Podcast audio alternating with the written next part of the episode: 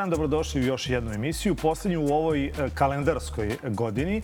Pa kad kažem kalendarskoj godini, onda znamo, eto, brzo će nova godina, a kad je nova godina u pitanju, tu su vatrometi, petarde i sve ono što se može nazvati pirotehnikom. Čujemo od e, nekih lokalnih samouprava da će ove godine utihnuti, to jest da neće biti organizovanog vatrometa.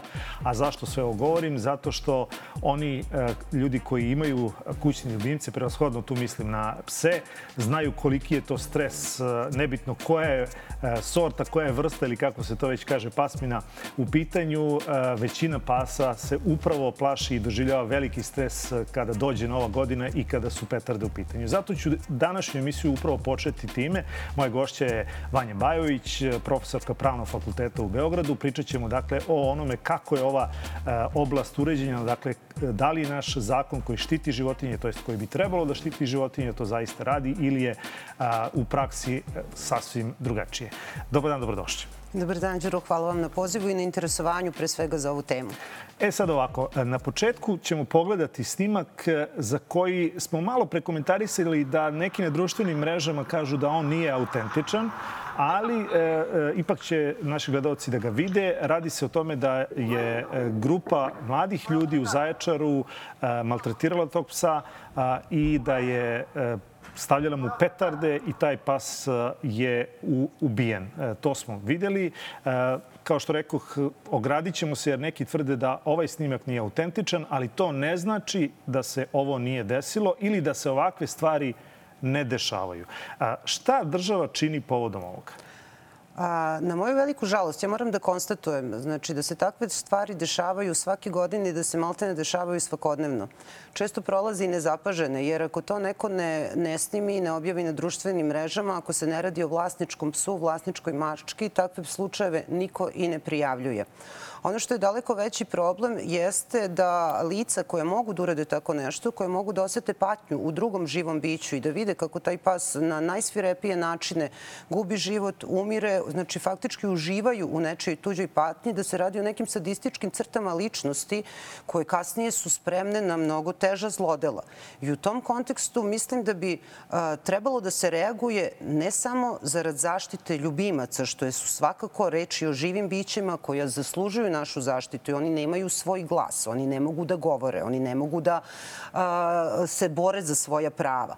Znači, radi se o živim, osjećajnim bićima koje mogu da pate, osjećaju, rađaju mladunce i tako dalje. Pre svega zarad njihovih patnji.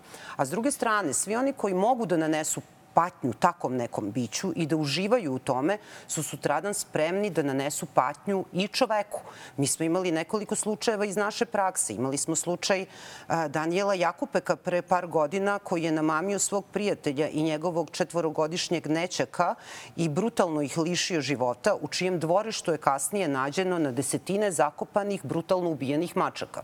Imali smo skoro slučaj o kome se dosta uh, govorilo u javnosti, slučaj Dubana, znači ubica iz Mladenovca, koji je uh, brutalno ubio, ubio komšinske pse. Sad ne ulazim u to da li su komšije to prijavljivale, da li nisu prijavljivale. Znači, činjenica je da su se takve stvari dešavale. De facto, monstrumi su oko nas. Samo je pitanje kako ih prekopoznati i kako na najadekvatniji način reagovati.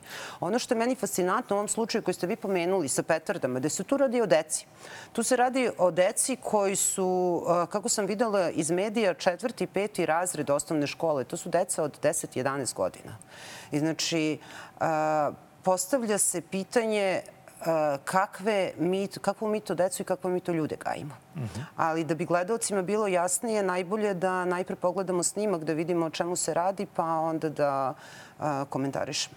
E sad, uh Rekao ste za ove primere, nabrojili ste dva primera. Međutim, da. tih primera ima, ima dosta. Šta će se dešavati konkretno sa ovim slučajem iz Zaječara? Dakle, e, znali se, e, to je četvrti, peti razred, dakle oni nisu krivično odgovorni, već će to je li tako, preći na njihove roditelje. Ali, ne e, može da pređe, ne može ni to. Može da pređe na njihove roditelje prekršajna odgovornost. Znači, roditelji mogu prekršajno da odgovaraju, da ne, da ne odlutamo od teme zaštite životinja, mhm. -huh. de facto. Znači, ta deca ne mogu krivično da odgovaraju na, za ubijanje i zlostavljanje životinje. Roditelji mogu prekršajno da odgovaraju po odredbama zakona o dobrobiti životinja, ali ono što je daleko veći problem, čak da se radilo i o punoletnim učiniocima. Znači, de facto, kaznena službena politika prema učiniocima ovih krivičnih dela jeste zapanjujuće blaga. Evo, zvanični statistički podaci. Znači, 2006. je u naše krivično zakonodavstvo uneto krivično delo ubijanje i zlostavljanje životinja. Znači, od 2006. do 2022. to je znači za 16 godina, doneto je ukupno 359 osuda, što znači od čega 349 osuđujuće presude. Znači, za 16 godine primjene zakona 349 osuđujućih presuda, od toga svega 30 kazni zatvora. I kolike su te, koliko traje? Je to uslovno ili, ili ti ljudi e, zaista zaglave u, u zatvoru? To je tek paradoks. Znači, a, samo pet puta je izrečena kazna zatvora od 6 do 12 meseci u rasponu od 6 do 12 meseci. I samo jednom je izrečena kazna zatvora od 2 do 3 godine. Ja mogu da vam pročitam neke presude koje su zvanične sudske presude za ova krivična dela i kazna na koju su ti ljudi osuđivani. Mhm. Ima li nešto što je eklatantno pokazuje primer, o čemu se ovde zapravo radi? Okrivljenom je izrečena uslovna osuda. Uslovna osuda znači da okrivljeni ne ide u zatvor. Uslovna kazna zato što je nogom usmrtio napuštenog psa tako što je najpre uhvatio psa za prednje noge i više puta ga bacio i udario betonski pločnik. Nakon toga nogom snažno zgazio psa u predelu vrata, od čega je pas ubio. Okrivljenom je izrečena uslovna osuda što ubio psa štene starosti dva meseca tako što ga je drškom za metlu udario više puta u predelu glave, nakon toga ga uhvatio za zadnje noge i udario više puta o asfalnu podlogu, te štene od zadobijenih povreda uginulo. Okrivljenom je izrečena uslovna osuda što je u dvorištu porodične kuće mučio i ubio pse rase terijer, nepoznatog vlasnika, tako što mu je sekirom odsekao noge, tupim delom sekire smrskao glavu. Okrivljenom je proglašen krivim, oslobođen od kazne, znači nije mu izrečena čak ni uslovna osuda, što ubio životinju i to rase psa nemački opšar u vlasništvu oštećenog, tako što ispred svoje kuće iz lovačke puške ubio psa, a kačsnije ga okačio o drvo. Okrivljen je osuđen na novčanu kaznu od 10.000 dinara što ubio psa tako što ispred ulaznih vrata kuće oštećenog motkom sa drvenom držaljkom bez povoda i razloga više puta udario u glavu psa rase Labrador u vlasništvu oštećene i tako ga lišio života. I tako dalje i tako dalje. Takvih primjera je na stotine. Čekajte, kad vi ovo sad čitate, iš, išao i snimak dela uh mhm. -huh. toga što, vi, što ste čitali i opisivali. Um, da li sudija kada donosi ovakvu odluku, jer on vi, viđa te, te snimke, šta, šta ćemo sa onim gde nema snimaka? Evo ovako, znači, obično se, prva stvar, šta je tu prvi problem, jeste na što se sudovi pozivaju, to je što je blaga propisana sankcija. Znači, po zakonu za ubijanje i zlostavljanje životinje može maksimalno da se izrekne za osnovni oblik krivičnog dela dve godine zatvora, kaznog zatvora do dve godine. To znači da de facto zakonodavac društvenu opasnost ovog dela svrstava recimo za neovlašćeno uh, otkrivanje tuđih pošiljki. Pa onda zakonodavac isti društveni, istu težinu daje kada recimo komšija pročita vašu poštu, otvori vaše sanduče ili iz vašeg sandučeta ili ubije vašeg psa. Znači, ista je propisana kazna do dve godine zatvora. Sudovi i tužilaštva najčešće se pozivaju za to kako nemaju mnogo prostora za a, mahinacije, imajući u vidu da zakonodavac ne prepoznaje težinu ovog dela. S druge strane, moram da napovednem bez obzira, znači, propisana je kazna do dve godine. Ja mislim da ni u jednom slučaju nije izrečena kazna od dve godine zatvora, bez obzira na monstruoznost ovih zlodela.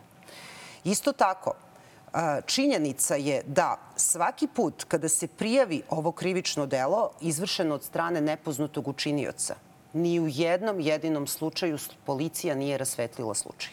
Znači, ni u jednom jedinom slučaju učinilac nije pronađen. Znači, može li se izvesti zaključak, evo ja ću to učiniti, a vi, vi se složite ili, ili kažete nije tako, da njih baš briga? Može se izvesti takav zaključak da jednostavno smatraju da imaju prioritetnije slučajeve, ne žele time da se bave. E, životinje, kao što sam napomenula, ne govore, ne mogu da daju dokaze kojim je tako nešto uradio, kojim je ocekao štape ili ih brutalno povredio. Tako da, de facto, nažalost, u našoj, e, naše pravo, a često i vršioci tih pravosodnih funkcija, životinje poistovećuju sa stvarima. Jes, jesu li e, onda u koliziji zakon o dobrobiti životinja i krivični zakonik. Ili oni uopšte, kada je donet ovaj, vi kažete 2006. Mm -hmm. tako? Ja se uopšte tu konsultovao ovaj drugi zakon, to jest da li se i tada bilo dve godine za ovako nešto ili ta dva zakona su u razmimo ilaženju već... Jesu u koliziji, ali u jednom drugom smislu. I e, unošenje ovog krivičnog dela, ubijanje i zlostavljanje životinja i donošenje zakona o dobrobiti životinja predstavljaju značajan korak napred. Znači, očigledno je pokazana dobra volja da se ova ponašanja krivično i prekršajno sankcionišu. Zakon o dobrobiti životinja je donet nakon krivičnog zakonika, nakon ovog krivičnog dela, znači e, tri godine kasnije i u koliziji su u smislu da uh, ovo krivično delo, ubijanje i zlostavljanje životinja, je takođe zakonom o dobrobiti životinja predstavljeno kroz niz prekršaja. Mm -hmm. Zakon o dobrobiti životinja sadrži, uh, ja mislim, 85 prekršaja i onda se neka obeležje preklapaju. Pa često u praksi policija i tužiloštvo ne znaju kako da postupe. Da li se radi o prekršaju, da li se radi o krivično delu. Recimo, zlostavljanje životinje može da bude i krivično delo i prekršaj. Faktički ne možete pokretati postupak i za jedno i za drugo. Gde je ta granica? E, to je ono što je problem. Ko određuje tu granicu? Zakonodavac nije postavio. Idealno bi bilo kada bi se zakonski postavila granica. Da se zna šta spada u krivično delo, a da se zna šta spada u prekršaj. Jer pretpostavljam da onda u praksi ide se tom linijom manjeg otpora, pa svi dobiju prekršajnu prijavu, a ne dobiju krivično, krivičnu prijavu. Na kraju ne dobiju ni jedno ni drugo, imajući u vidu da svi prekršajni postupci zastarevaju u roku od dve godine. Apsolutna zastarelost. Da prekršajne postupke, to ćemo dotaći se te teme, najčešće pokreće uprava za veterinu, ali zbog nedostatka kadrova ili nevoljnosti da se bave ovom tematikom, oni faktički ne podnoste te prekršajne prijave. Tako Tako da je, da paradoks bude još veći, prekršenih osuda još manje nego što je krivičnih sankcija. Tu opet ne mogu da krivim zakonodavca. Zašto? Zato što u vreme kada su donošena ova rešenja nije postojala zakonska smetnja da se istovremeno pokrene i prekršajni i krivični postupak i onda se dobije osuda i, i krivična presuda i prekršajna mhm, sankcija. Mhm. Međutim, šta se onda dešava? Evropski sud za ljudska prava donosi par odluka, ne samo protiv nas. Imali smo Maresti protiv Hrvatske, Muslija protiv Bosne i Hercegovine. Znači sva ona zakonodavstva nastala na temelju bivše SFRJ, koje su poznavala krivična dela i prekršaje. Šta se dešava? Nakon tih presuda Evropskog suda faktički dolazi do novog stava da ne može isto lice da bude osuđeno za isto ponašanje i u krivičnom i u prekršajnom postupku, jer to predstavlja kršenje načela ne bi si nide. Znači, nadležni organi moraju da odluče da li će ga goniti krivično, da li će ga goniti prekršajno. U tom kontekstu licu se naravno okrivljenom se više isplati da bude prekršajno gonjen, ali A, opet, to je mač sa dve oštrice, zato što prekršajni postupci su neefikasni u smislu za apsolutno zastarelo za dve godine i tako neko kroz prekršajnu odgovornost faktički može izbeći krivičnu sankciju. Uh mhm. -huh. Kad pominjete zastaru i kad pominjete isplativost, uh mhm. -huh. ono što je svakako isplativo za one koji su možda fiktivno prijavljivali da ih je ujeo neki pas, da ih je napala, napala uh, lutalica, kako se to kolokvijalno kaže, uh, ali iza svega toga stoje ogromna svota novca. O kojoj mi svoti novca govorimo kad, kad je reč o odštetama za ujede pasa? Ovako, ja ću se ovde pozvati na zvanične podatke Državne revizorske institucije. Znači, to je izveštaj koji je objavljen 2021. godine i pokriva period od 2017. do 2021. godine. Znači, četvorogodišnji period.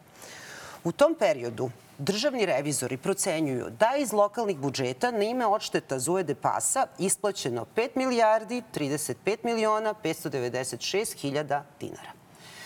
To prevedeno u evre znači 43 miliona evra. Kada sam čitala ove podatke, ja nisam bila sigurna da li se radi o milionima. Znači 43 miliona evra, to se godine, tiče, se, tiče se lokalnih samouprava, je li tako? To, to isplaćuju ne, lokalne samouprave. Na, I lokalne samouprave na ime odštete za ujede pasa. Uh mhm. -huh. Znači lokalne samouprave na ime odštete za ujede pasa. Vi kada ukucate... Tu ne govorimo naravno o vlasničkim svima, je li tako? Tu govorimo... Tu govorimo koliko je, koliko je isplaćeno u, na ime odštete za ujede pasa, znači iz lokalnih bušte, budžeta na ime odštete. Znači, znači radi se o napuštenim životinjima. psima, tako, tako je. je. Kada Dobro. vlasnički pas ujede nekoga, onda to ide na a, grbaču vlasnika, tako da se izrazi. Mhm. -huh. S druge strane, znači, a, 74 posto ovih zahteva realizovano je sudskim putem, 1,4 milijarde dinara isplaćeno je na sudske troškove. Ovo, s jedne strane, predstavlja vrlo profitabilan biznis u smislu da imamo uh, dosta i lažnih uljeda. S druge strane, ne isključujem činjenicu da svakako ovakvi ujedi postoje. Ali, da bi se ovaj problem rešio, mora da se reši problem napuštenih pasa da se zakon o dobrobiti životinja primenjuje, znači donet je pre 14 godina, ovaj problem bi bio rešen. U tom kontekstu ovo pitanje je bitno ne samo za nas koji volimo životinje i se osjećamo sa njihovom sudbinom, već za sve one koji ne vole životinje i koji se plaše životinja. Jer jednostavno pitanje napuštenih pasa mora sistemski da se reši postoji način da se ono efikasno reši, samo se postavlja pitanje da li postoji e, politička volja za tako nešto. Očigledno te volje nema, jer evo, ne znam da li imate možda taj podatak, jer nije, naravno, možda to pitanje, e, ovaj, niste vi prava adresa za, za tako pitanje, ali evo, meni pada na pamet za 43 miliona evra, pa koliko je tu prihvatilišta po, po svetskim standardima moglo da se izgradi u koliko lokalnih samouprava? Tačno. To je, to je sve tačno, to stoji. Ali ja sad, znači to vam je zaista jedan veliki, kako da kažem, jedan veliki paradoks. Znači, činjenica je da su ta sredstva mogla da budu uložena mnogo efikasnije. S druge strane, činjenica je da se problem napuštenih pasa ne može rešiti preko noći. Ali, 14 godina se zakon primenjuje. Taj zakon predviđa da se taj problem rešava po principu uhvati, steriliši, pusti. Što znači da lokalna samouprava kada nađe napuštenog ljubimca, steriliše ga, čipuje ga i vrati ga na lokaciju. U tom kontekstu, čim je pas sterilisan, on ne može dalje da se razmnožava. Taj pas svakako ima svoj životni vek. Za 14 godina, znači, jednostavno tih pasa ne bi bilo. Međutim, ovde imamo uh, mnogo dublji problem. To je problem kako se taj to pitanje rešava na nivou lokalnih samouprava, kako se to pitanje rešava od strane neodgovornog vlasnika. A, radi. Zakon o veterini obavezuje vlasnike, recimo, vi sada neko napusti psa i sad taj pas nije čipovan. Mi ne možemo kazniti vlasnika. Zakon o dobrobiti životinja predviđa napuštanje psa kao jedan od prekršaja. Ja sam e, tražila podatke o, po zakonu pristupu informacijama od javnog značaja. Znači, za taj prekršaj je od 2009. osuđeno 16 lica. Znači, 16 lica. 16 ljudi je napustilo 16 psa. 16 ljudi je napustilo psa, pune ulice, znači napuštenih pasa. Koliko u toj priči, evo sad, e, to mi isto pada na pamet, koliko u toj priči učestvuje Kinološki savez Srbije? Jer ovde je bio čovek toga. koji je upirao prsti na Kinološki savez Srbije. Šta kažu brojke? Možda su brojke uh, najbolje da, da čisto ljudima objasnimo o čemu se tu zapravo radi i koliko mi štancujemo uh, pasa u, u Srbiji ako se uporedimo samo sa, sa zemljama u Evropskoj uniji. Evo ovako, opet se vraćam na problem neodgovornog vlasništva i na problem odgajivačnica. Znači, po zakonu o dobrobiti životinja, da bi odgajivačnica, da bi neko mogao odgajivanje, to jest prodaja pasa jeste profitabilna delatnost. Vi kada prodajete pse, zarađujete neki novac na tome. I vi morate registrovati odgajivačnicu. To je regulisano zakonom o dobrobiti životinja. Da bi vi registrovali odgajivačnicu, vaša odgajivačnica mora da ispuni određene zakonske uslove.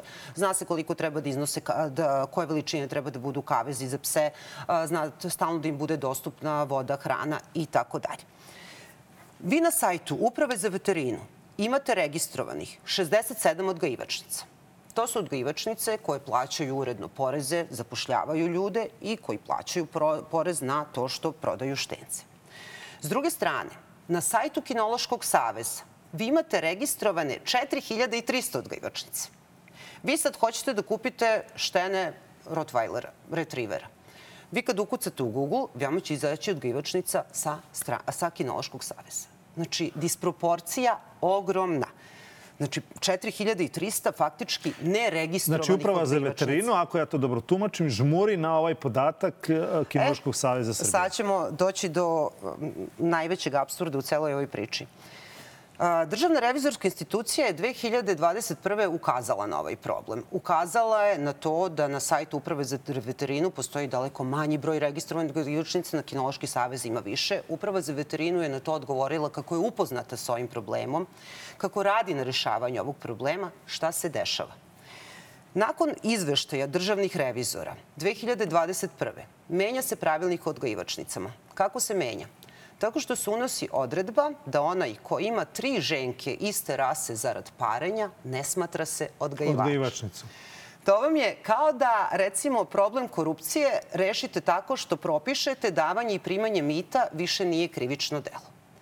Ako neko ima tri ženke, Znači, tri ženke i par ih. Znači, jedna ženka godišnje dva puta ulazi u teren i u svakom teranju, ajde da kažemo, šest štenaca. To je znači samo od jednog psa u periodu od pet godina može da nastane 66.000 štenaca od samo jedne kuje. Ali faktički oni su oprali ruke, to jest legitimisali su postupanje Kinološkog saveza propisivanjem da onaj ko posjeduje tri ženke ne smatra se odgajivačem. Taj koji posjeduje tri ženke ne plaća porez na to što prodaje svoje štence, niko ne, ne proverava uslove u kojima on gaji te kuje za oplodnju, niko ne proverava uslove kako se kome se ti štenci prodaju, ne postoji zvanična evidencija. To je onda biznis, dakle, time država pokazuje, pa vi ste ludi, ovih 67 koji su upravi za veterinu na sajtu, vi ste ludi, dajte, prebacite se ovamo, radite potpuno ilegalno. Faktički, da. Jel tako? Zato to nam poručuje. Zato što apsolutno nema nikakve, apsolutno ne postoji nikakva kontrola. E sad, da ne zaboravimo... I sada, mhm, izvinite sad, dobro. što vas prekidam, ja, evo, zvanični podaci, znači zvanični podaci Međunarodne kinološke asocijacije, šta kažu? Mi smo, recimo, u Srbiji 2021. godine registrovanih štenaca sa pedigreom. Znači, to su štenci preko registrovani preko Kinološkog saveza. Srbija je imala 61.974. Vi godišnje imate 60.000 štenaca samo sa pedigreom. Ne govorim o ovim uličnim psima. Iste godine jedna Austrija ima 8.520 štenaca, jedna Slovenija 4.390, Švajcarska 7.430 i tako dalje. Da li od tih 60.000 moraju svi biti čipovani? E, o tome se, to je sad drugi problem do koga dolazimo. Problem je što Kinološki savez faktički upisuje te štence i daje im pedigre i bez tog čipa. A znači, vi ako nemate čip, vi ne možete znači, da... Znači, oni stvaraju lutalice na neki način. Je li tako? Pa naravno. Jer naravno ti da psi, kada ja uzmem takvog jednog psa, tri meseca mi je sladak tako dok je, je mali, posle je. toga ja ovo naravno. traže da ga izvodim napolje, aj na ulicu. Tako je, tako je. I onda, I onda ko to kontroliše na ulici? E, Komunalna policija, to je bila priča, ali tako? A, ne, pa po zakonu o dobrobiti životinja, sad komunalna policija ima neko ovlašćenje što se tiče zakona. Na primjer, ja četam svog psa a, ulicom i sad moj pas nije na povodcu. Komunalna policija ima pravo da me zustavi i da mi napiše kaznu zbog toga što moj pas nije na povodcu. Međutim, komunalna policija nema ovlašćenje da proverava da li je moj pas čipovan ili ne. Ko? Ko to proverava isključivo uprava za veterinu. Veterinarski inspektor. Uprava za veterinu. Kojih ima 12 u čitavoj Srbiji ili koliko ih već ima. Tako je, znači nedovoljan broj veterinarskih. S druge strane, čak i kada bi veterinarski inspektor ustanovio da vaš pas nije čipovan, veterinarski inspektor šta može? Može protiv vas samo da pokrene prekršajni postupak koji opet dugo traje i njegov ishod na kraju se nikada ne završi, to je redko kad se završi uh, osuđujućom prekršajnom presudom. Tako da, de facto, to što vi ne čipujete vašog psa, vi prolazite faktički nekažnjeno za tako nešto. Znači, ne postoji nikakva kontrola. Ja smatram i ističem to da bi ovaj problem mogao vrlo efikasno da se reši i da je državi u interesu da se ovaj problem reši. Zato što bi to predstavljao veliki priliv kako za državni budžet, tako bi bilo Absolutno. u interesu i svi tih Apsolutno, jer ove brojke ne govore, ne govore da Srbi više vole životinje nego Naravno. prosečan Austrijanac, već Naravno. govore sasvim nešto drugo, da je u pitanju i tekakva korupcija i ništa drugo, je li tako? Pa naravno. Evo, evo pogledajte, na primjer, recimo, pitanje parkiranja. Kako smo mi uredili pitanje parkiranja po centru grada kroz prekršajne naloge? Ne radi se o tome da bude stroga kazna. Radi se o tome da bude izvesna kazna. Da vi znate kada prekršite zakon da ćete biti kažnjeni za tako nešto. Kada bi se komunalnoj policiji, primjera radi, dalo ovlašćenje da proverava da li je pas čipovan ili nije, kada bi joj se dalo ovlašćenje da ulazi u odgajivačnice i da proverava kakvi su uslovi u odgajivačnicama, prihvatilištima i tako dalje, to su sve ovlašćenja koje recimo komunalna policija ima u Hrvatskoj. Koji bi, bio, da, koji bi bio benefit toga? Znači, zakon bi se mnogo više poštovao. U kom smislu? Ako vas komunalna zaustavi na ulici, vidi, niste čipovali svog psa, automatski prekršajni nalog, kazna recimo 5000 dinara. Šta to znači? Možete da platite 2500 dinara u roku od 8 dana, ako ne platite idete na sud. Naravno, to je način kako se građani podstiču da čipuju svoje pse, kao što kako se podstiču da porkiraju na oblaž na Ili registruju automobile. Pa tako je. Fa faktički to, jer neće niko da, sva, da plaća svakih nedelju dana po 5000 dinara. Znači, jednostavnije mu je da čipuje svog psa. Znači, to je, zakon, to je zakonska obaveza, ali je problem što se ta zakonska obaveza ne kontroliše, a samim tim i nemamo neku efikasnu evidenciju. Pa da li se ovde radi, sad kada već sad slušam, i, i, uh -huh. i sagornike koji su i ranije bili u ovoj emisiji, a na sličnu temu smo pričali, a, da li se ovde radi samo o, o klasičnoj nebrizi javašluku jedne države ili se ovde radi, pa ne znam, organizovanom kriminalu, jer prosto ovde očigledno postoje ljudi koji tekako mnogo novca zarađuju. Vi rekao ste sad pomoć ovih fiktivnih ujeda, do uh mhm. -huh. fiktivnih uzgajivačnica, do nečipovanja, do svega ja ostalog. Ja fiktivni ujedi često i socijalna kategorija. S druge strane, problem napuštenih pasa i problem odnosa prema svima često je problem neodgovornih vlasnika, odnosno pojedinaca koji uzmu psa da se dete poigra par meseci koji jednostavno nemaju odnos prema životinji kakav bi trebali da imaju. S druge strane, opet ja mislim da na uštrb celo, da na račun cele ove priče profitira par pojedinaca. Ja sad ne mogu uh, da tvrdim, ali iznosim osnovnu sumnju da su veliki profiteri u celoj ovoj priči, Kinološki savez, da je veliki profiter recimo Avenija MB koja svi ljubitelji životinja znaju s kojom monstruožnošću se rešava problem napuštenih pasa na nivou lokalnih samouprava. Ko su ti ljudi? E ja sad... sam u nekoliko navrata pokušao sam čak uh -huh. i mhm. imao sam i dogovor vlasnika te Avenije MB za intervju, ali smo se pojavili kolega i ja u tom novom selu gde je ta uh -huh. um, ne znam koji pridev da, da, da upotrebim za, za tu aveniju MB i na kraju naravno nije ispoštovan naš dogovor, čak smo i fizički bili sprečeni, imali smo i fizički obračun skoro, dolazila i policija, e, nismo uspeli da uđemo i da snimimo u kakvom e, stanju se nalaze ti psi, iako tu Aveniju MB finansiraju lokalne samuprave širom Srbije. Dakle, psi se prevoze sa severa e, Vojvodine u, središnju Srbiju. E, u, gledao sam u, u onim kontejnerima ili onim prikolicama gde stane 20 pasa po nekom standardu, možda dva ili tri psa bi mogo, smelo da stane. Dakle, ti, dosta tih pasa i ugine u samom transportu, a onda posle toga e, se prave tamo fiktivni papiri. Dakle, svak, svaka moguć, svaki mogući kriminal se tu dešava. Dakle, je moguće da mi evo, koliko ja pamtim, sigurno jedno 12 godina pričamo o Aveni i MB i da njoj niko ništa ne može. To i meni uh, stvarno fascinantno. Znači, gledalci koji su ljubitelji životinje, koji prate društvene mreže, znaju, upoznati su sa monstruoznošću sa kojom se Avenija opkodi prema tim napuštenim psima. Tu ću se osvrnuti na jedan drugi problem, takođe na zvanične podatke Državne revizorske institucije. Znači, 6 milijardi dinara je izdvojeno iz lokalnih budžeta za poslove zoohigijene. To znači oko 51 milion evra za četiri godine. Šta obuhvataju poslovi zoohigijene? Između ostalog, obuhvataju hvatanje i zbrinjavanje napuštenih pasa. Šta to podrazumeva? Po zakonu o veterinarstvu svaka lokalna samouprava je dužna bila da na svojoj teritoriji osnuje službu zoohigijene i osnuje prihvatilište. Mnoge lokalne samouprave nisu ispunile tu svoju dužnost, znači već umesto toga, umesto da osnuju oni sami, znači službu za higijene od ovih para koji im idu iz budžeta, oni zaključuju sumljive ugovore sa kompanijama koje se bave komunalnim delatnostima, između ostalih sa Avenijom MB.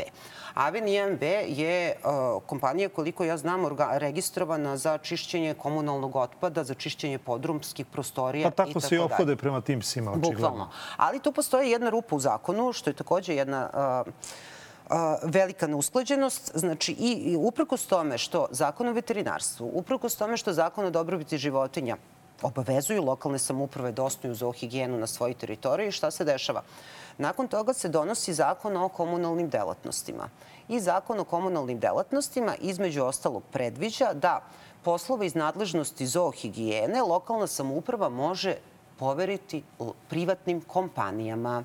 Pozivajući se na taj zakon, one zaključuju sumnjive ugovore sa sumnjivim kompanijama, problem se ne rešava, nego se problem iznova i iznova pojavljuje. Jer vi kao privatna kompanija, vama nije u interesu da vi rešite problem. Jer gde, nego gde vam samo... je prihod onda? Normalno, ako vas, re, re, ako vas angažuje uh, Vrnjačka banja da pokupite pse s teritorije Vrnjačke banje, šta radite? Prebacite ih u Niš, pa vas angažuje i Niš i tako dalje i tako dalje.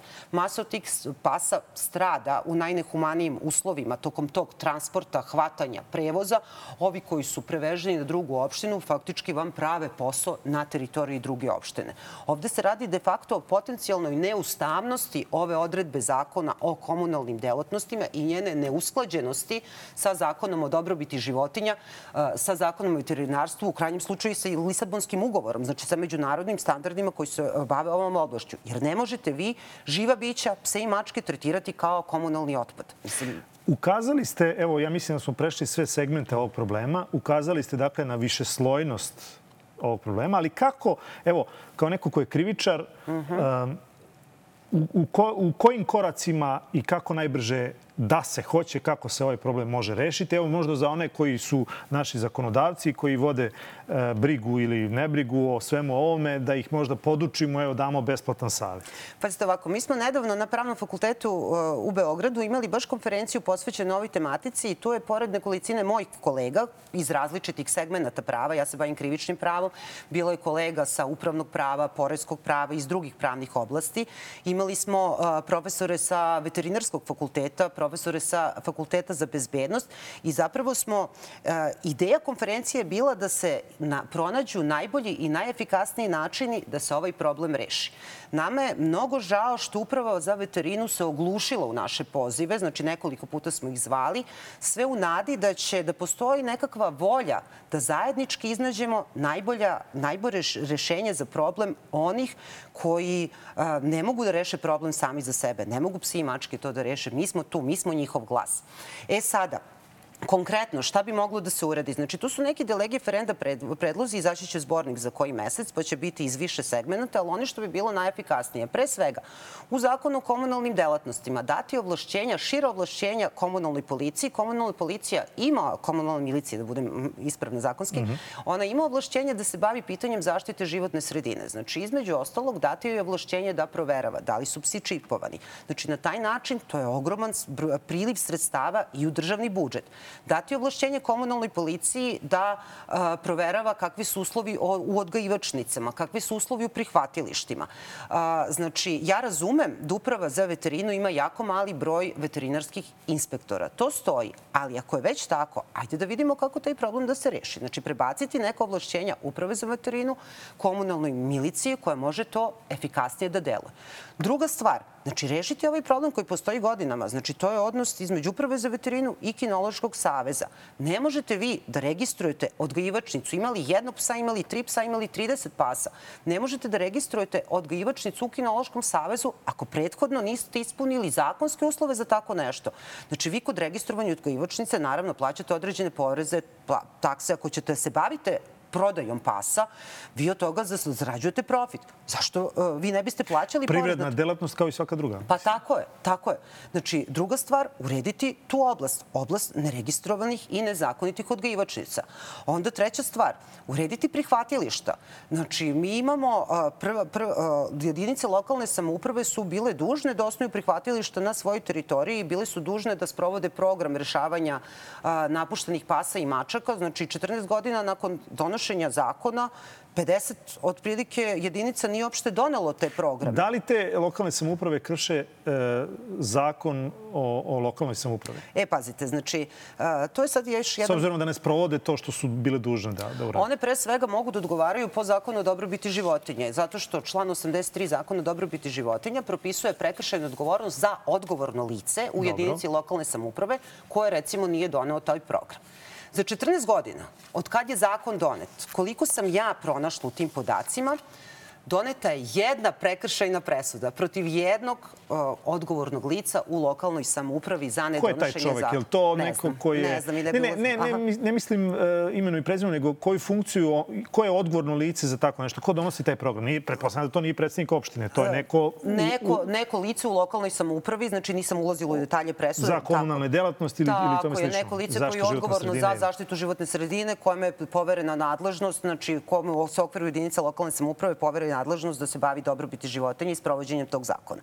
E sad, ono što je problem, mi smo imali u Smederevskoj palanci pre par godina slučaj, možda znate ako to pratite, da su brutalno ubijeni psi između ostalog i omiljena Keruša Zlata koja je bila maskota toga, znači da su nepoznati počinioci u tri ujutru pucali u napuštene pse.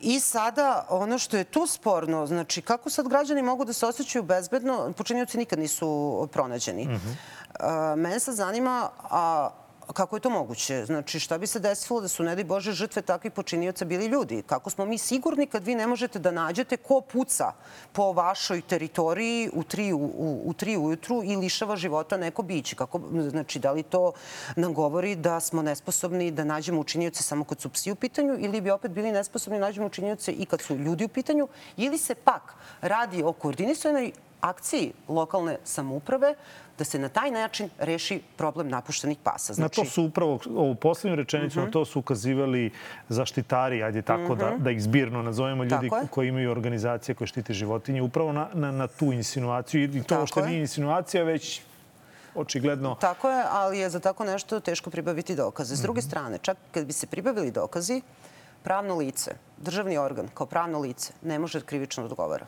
Po zakonu krivične odgovornosti ne može ni prekršaj, može... može odgovorno lice u lokalnoj samoupravi. Znači krivično? Ne.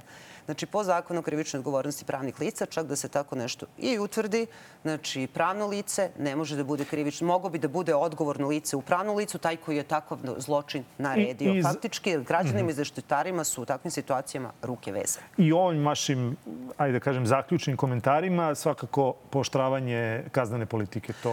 A, pooštravanje, a, ono što je još bitno, često nije bitna težina kazne, znači propisana kazna, već je bitno dosledno sprovođenje propisa propisane kazne. Znači, neka je kazna dve godine, ali da se izrekne jednom kazna od dve godine, a ne da se monstruozni slučajevi kada se psu odsecaju šape, glava i tako dalje prolaze a, sa oslobađanjem od kazne ili sa uslovnom osudom. Kad, Definitivno... vi, sad, kad vi sad kažete mhm. odsecanje, mm -hmm. mislim, ja prosto pokušavam da, da, da negde zamislim tog čoveka, šta je u tom čoveku. Um, um, da li taj čovek mora da prođe neuropsihijatrijsko veštačenje?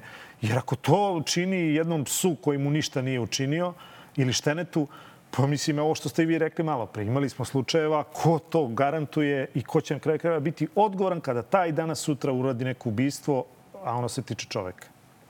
Pa to je ono što mi stalno pričamo o prevenciji kao potrebne prevencije, ali ne radimo ništa da do te prevencije dođe to što kažete, znači kada je neko sa takvim sadističkim motivima spesan, svesno nanosi patnju drugom živom biću, uživa u takvoj patnji, taj neko, po mom mišljenju, definitivno ne može biti normalan. Znači, ne može biti normalna ličnost. Taj neko bi možda naudio čoveku, nego ga strah od kazne sprečava da naudi čoveku, pa svoje sadističke težnje ispoljava prema drugim bićima, znajući da će za tako nešto proći nekažnjeno. U tom kontekstu, u tom bi sudovi, tužilaštvo, policija, nova krivična dela, nova zlodela trebalo efikasnije da reaguju. Jer na taj način se radi upravo ona prevencija o kojoj govorimo. Na taj način izolujemo pojedince, opasne pojedince, prepoznajemo, izolujemo i efikasno kažnjavamo opasne pojedince iz našeg društva. I evo za kraj, vi rekao ste bila ova konferencija, ako se ja dobro uh, pribeležio to, to je 6. decembar Tako bio je. na pravnom fakultetu. Mm -hmm. Pretpostavljam da vi ljudi koji ste stručni u, u, u ovoj oblasti, a pritom volite životinje, ajde yes. to ću tako reći, da. um, koji su vam sledeći koraci?